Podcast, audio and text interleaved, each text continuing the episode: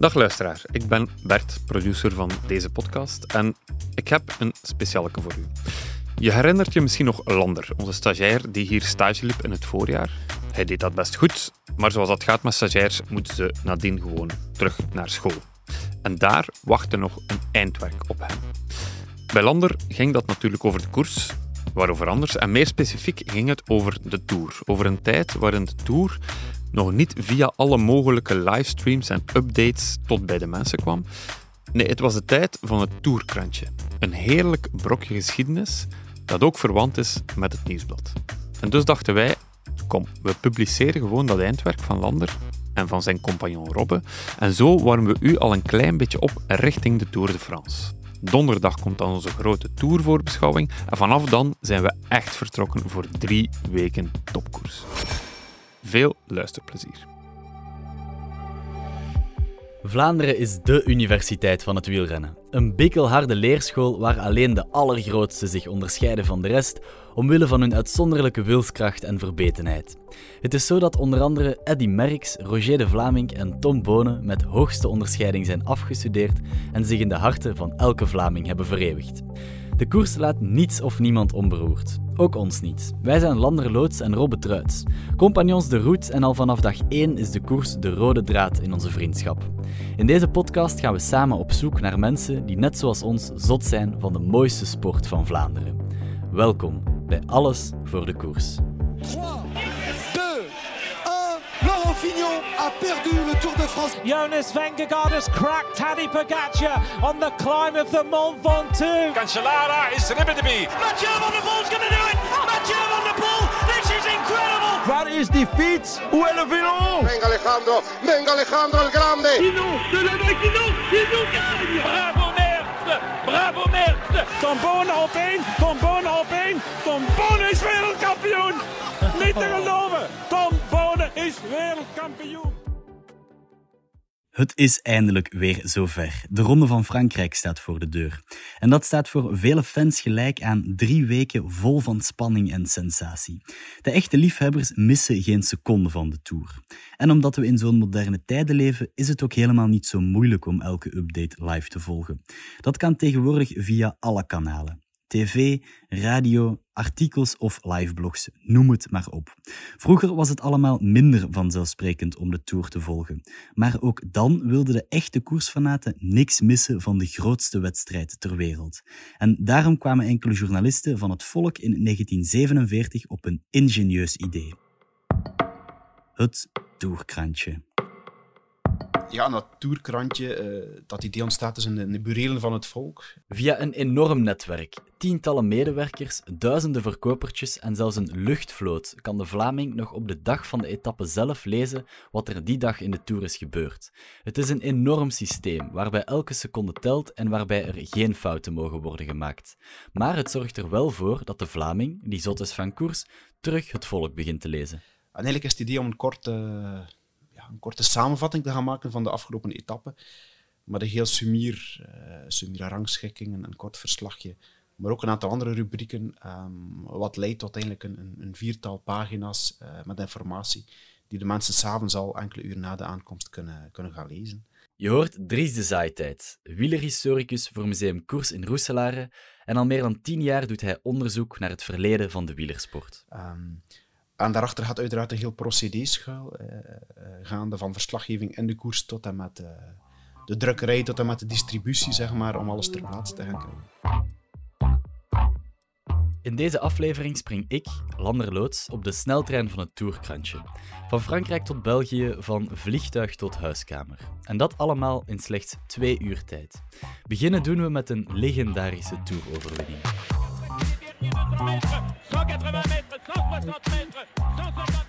20 juli 1969, 15 uur. Eddy Merckx wint voor het eerst de Ronde van Frankrijk.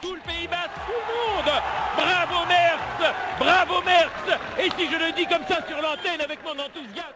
Ja, het is een, een, een eikpunt in de geschiedenis van ons land en van de wielersport uiteraard. Omdat eh, ja, het was 30 jaar geleden dat een Belg de Tour won. Eh, en voor het, ja, het Belgische wielerpubliek was uiteraard een. Een, een, ja, een uitbarsting van vreugde na al die jaren wachten op, op eh, een nieuwe Belgische toerwinnaar.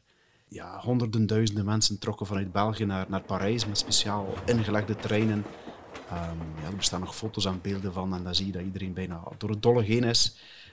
Uh, huisvaders die hun gezin een, plan laten en effectief op de trein springen om, om, om Eddie te gaan aanmoedigen. Vlaanderen leefde voor de koers en vooral voor Merckx. Maar terwijl iedereen vol enthousiasme richting Parijs vertrekt, zijn journalisten in Frankrijk druk in de weer om het toerkrantje op tijd af te krijgen.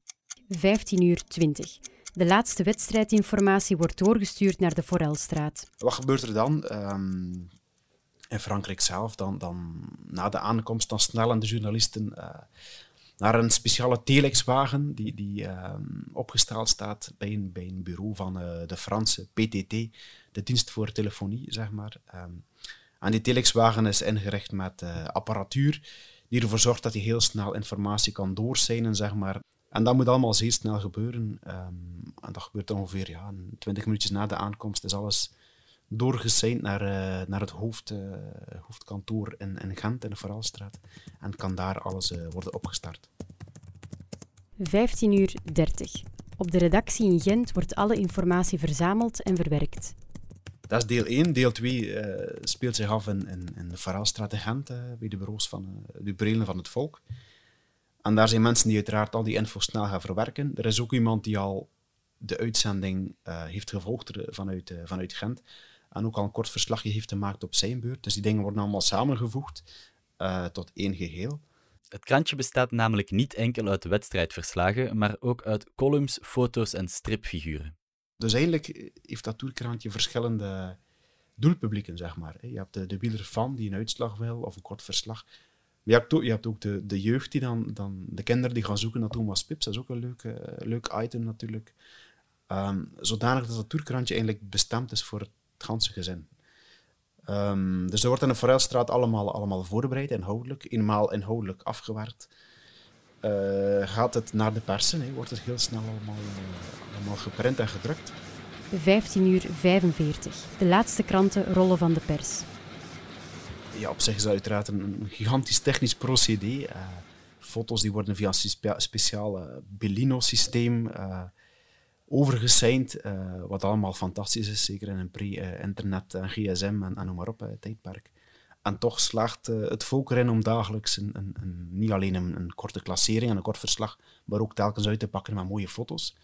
Wat op zich ook wel fantastisch is. De foto's die daarin zaten, die waren niet altijd actueel. Tenzij dat er een wedstrijd was die een beetje vroeger aankwam. Hier heb je Manu de Bruin. Hij is al van jongs af aan nauw betrokken bij de werking van het toerkrantje. Op jonge leeftijd was hij verkopertje in Gent en op latere leeftijd werd hij zowel journalist, fotograaf als linotypist voor de krant.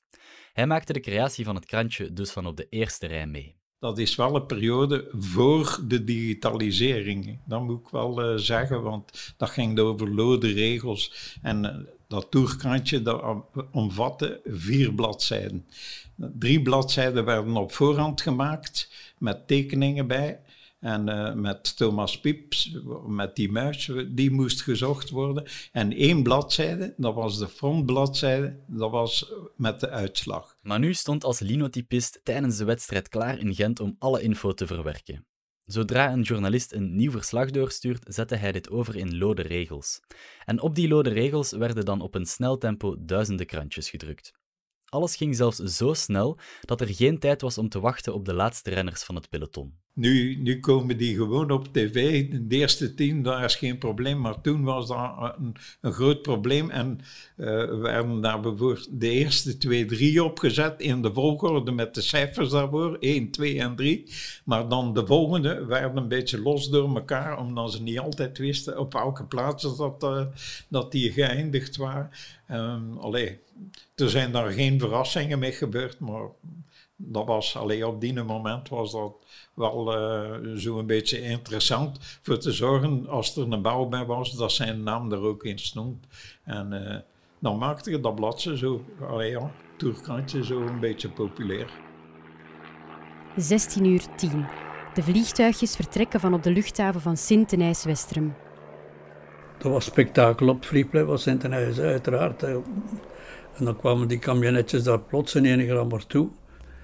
Uh, en off we go. Dit is de stem van Guy van der Linden. Een piloot op pensioen met meer dan 27.000 vlieguren op zijn naam.